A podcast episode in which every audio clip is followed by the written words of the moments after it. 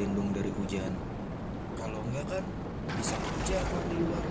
Karena hujannya deras sekali. Siapa yang bersama? Waduh, suara siapa tuh? Kok ada orang sih di goa? Sa, sa, sa, saya hanya, hanya, hanya numpang berlindung di sini. Sa, sa, saya tidak berniat buruk kok. Sa, sa, saya hanya berlindung dari hujan di luar. Siapa kamu? Saya pendukung Chelsea.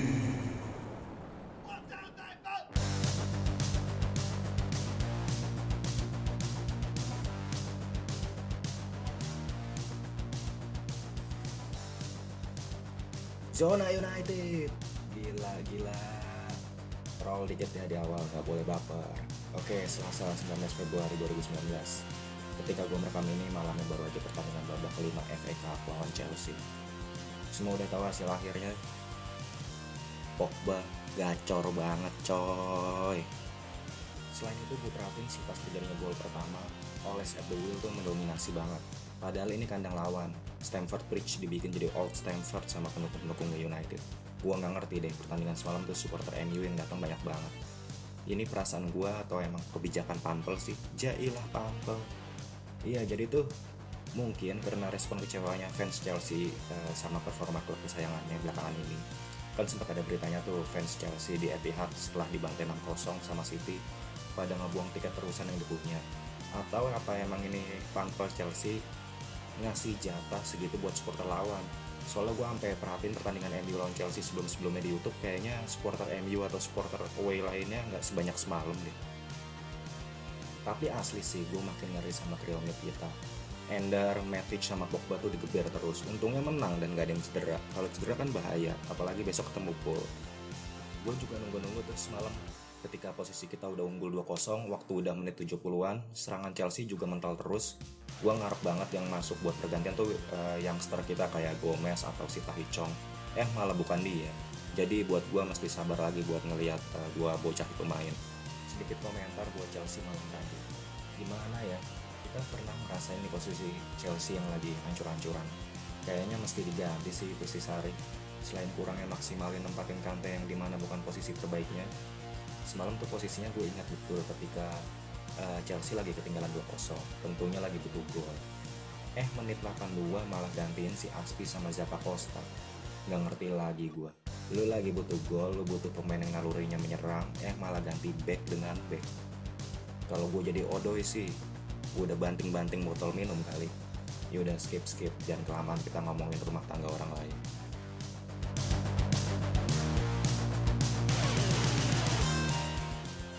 next di FA Cup. Hasil drawing kita bakal ketemu Wolf di quarter final yang di mana Wolf musim ini tuh jadi jadi tim giant killer. Posisi di liga juga bagus untuk klub yang biasanya berputar di papan bawah.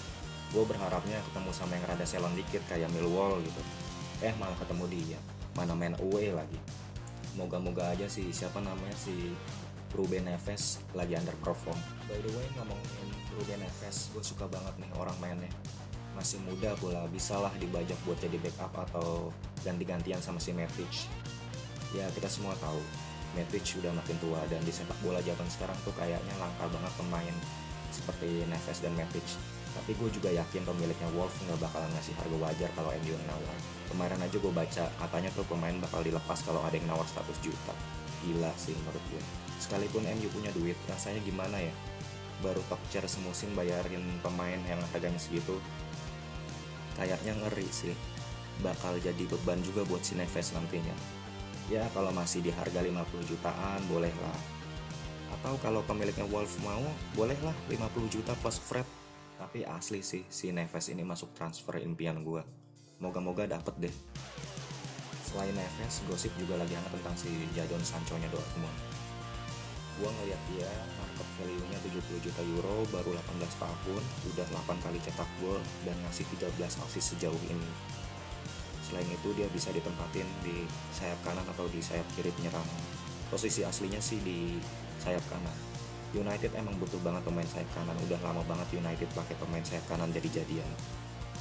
Nah kali ini incerannya salah satunya si Sancho. Sancho ini juga sempat 2 tahun di akademinya tetangga, akademinya City.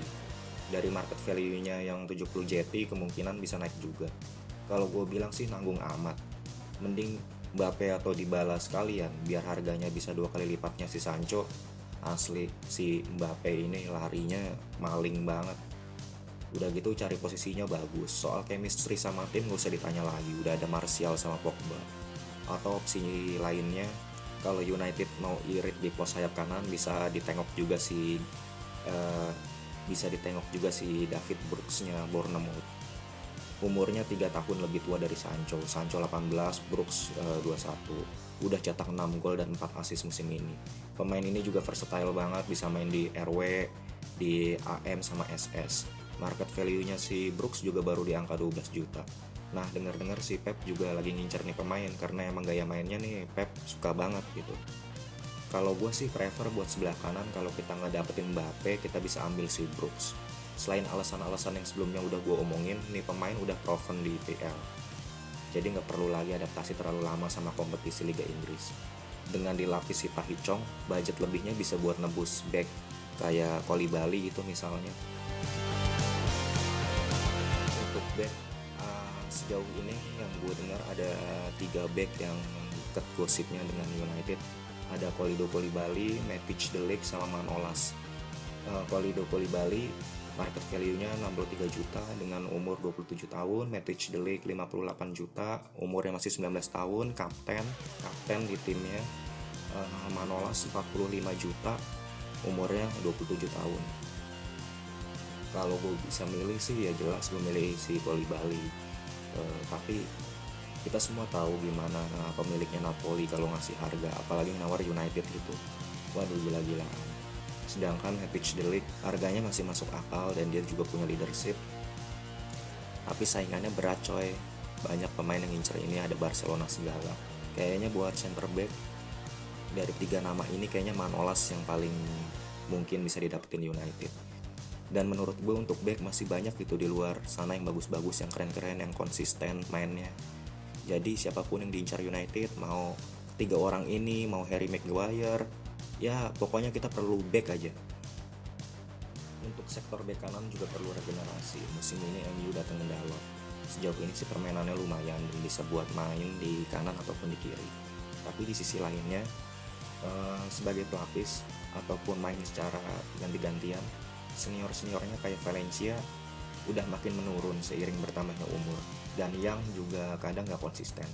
Ya emang dua orang ini si Valencia dan yang emang udah masalah umur sih. Maka dari itu perlu banget United buat isi satu pemain baru di posisi ini. Dan nama pemain itu adalah Aaron Wan Bisaka kalau dari gua. Aaron Wan Bisaka ini uh, dari Crystal Palace umurnya masih 21 tahun. Market value-nya murah banget 10 juta euro. Pemain ini eksplosif banget lari cepet dan bisa gorang-goreng bola gue pikir sih pemain ini bisa lah diangkut di harga sekitar 40 jutaan manajemen MU harus segera bertindak buat jadiin klub ini ideal rekrut sayap kanan, ambil gelandang, pelapis Matic, ambil juga back yang kokoh, dan terakhir beli back kanan. Manajemen MU juga harus berpikir buat buangin pemain Deadwood yang nggak bawa pengaruh signifikan tapi malah jadi beban pengeluaran klub. Untuk kasus perpanjangan kontraknya Jones dan Smalling pasti banyak yang kontra pasti banyak yang ya ilah makanya diperpanjang lagi nih orang gue ngelihatnya ini strategi manajemen MU sih. Ketika Jones dan Smalling dipastikan gak dapat perpanjangan kontrak dan kita lagi hunting back buat isi kekosongan tempat di center back berarti kita butuh banget kan? Nah ini bakal dimanfaatin sama klub lain yang backnya lagi diincar MU jadi gue masih berprasangka baik sama manajemen soal perpanjangan kontrak Jones dan Smalling sih. Pokoknya MU harus uh, punya pelapis yang bagus gitu. Kita harus bisa ngimbangin City soal kedalaman squad. Nah itu tadi target transfer MU buat musim depan menurut gue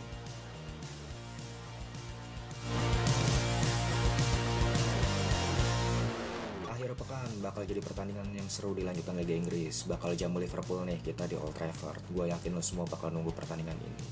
Pertandingan yang bakal mengubah papan klasemen apa pun hasilnya. MU harus menang kalau mau terus jaga posisi empat besar dan kasih tekanan ke Spurs. Dan kalau MU menang, City bakal menegaskan gulingin Liverpool di pucuk. setelah sekian lama mereka ngadem di pucuk.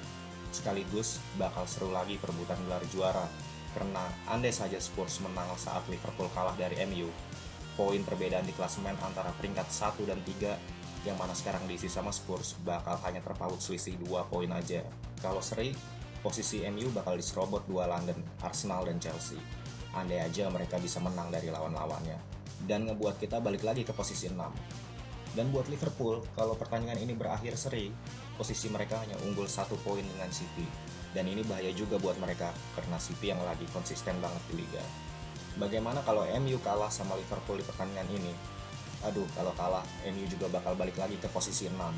Dan gap poin akan jadi melebar bakal selisih 2 poin dengan catatan Arsenal dan Chelsea berhasil menang dari lawan-lawannya.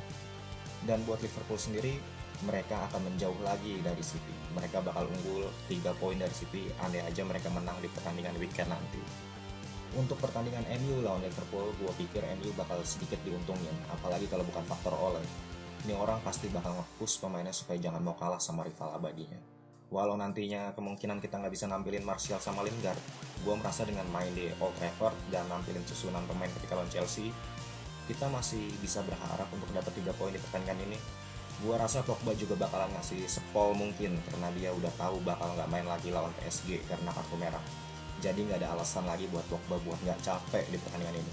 Di pertandingan kali ini gue berharap sih perannya Lukaku saat lawan Chelsea kemarin diganti sama Alexis karena pasti Liverpool agak sedikit unggul possession jadi kita butuh kecepatan dan pemain yang buka ruang counter ya lo tahu sendiri gimana malesnya Lukaku belakangan ini tapi buat Liverpool sendiri juga bakal punya semangat yang serupa pastinya mereka nggak mau posisi yang udah beberapa bulan ini bakal diambil sama City jadi pasti mereka kasih perlawanan yang luar biasa tinggal Matic dan Herrera pinter-pinter ngeredam serangan mereka sekaligus tugas yang gak enteng juga buat dua back sayap kita Shaw yang harus melawan Salah dan Yang yang berhadapan dengan Mane. Tapi secara keseluruhan, gue percaya kita bisa menang di Old Trafford weekend nanti. Berapapun skornya, yang penting menang. Menang lawan Liverpool weekend nanti bukan cuma berdampak buat United sendiri, tapi berdampak buat Liga. Kita bisa jadi batu sandungan buat Liverpool juara musim ini. Gini-gini, sekarang kan title contender kan ada tiga. Ada Liverpool, City, sama Spurs. Nah, uh, Spurs bisa lah kita coret karena mereka rada kurang konsisten. Jadi title contendernya ada dua, ada Liverpool, ada City. Yang jadi masalahnya, gue nemuin fans MU yang lebih rela ngeliat Liverpool juara timbang City. Emang ini pilihan yang berat, tapi kita harus memilih gitu. Nah, gue ketemu nih sama fans MU yang lebih rela ngelihat Liverpool juara musim ini ketimbang Manchester City. Gue heran aja gitu loh. Kenapa bisa bisa ngomong kayak gini? Apa dasarnya gitu? Rivalitas kita tuh udah terlalu panjang. Dia beralasan katanya kalau Manchester City yang juara mereka songong-songong nantinya. Ya ilah fans Manchester City seberapa banyaknya sih? Jadi saran gue kalau di tongkrongan lu ada fans MU yang lebih rela ngelihat Liverpool juara musim ini jangan temenin nah kayaknya sekian dulu podcast episode pertama ini sorry kalau ada yang baper follow Instagram Zona United karena gue bakal update terus di situ sampai jumpa di podcast selanjutnya mungkin gue akan update podcast lagi sebelum versus City kali ya. Sekian dari gue. Ciao.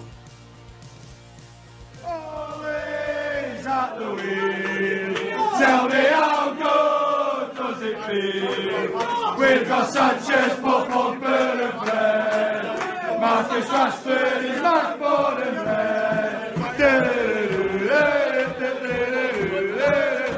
The greatest of English football. We've won it all. Always at the wheel. Tell me how good does it feel? We've got Sanchez, Buffon, Bernard, Marcus Rashford is more than red.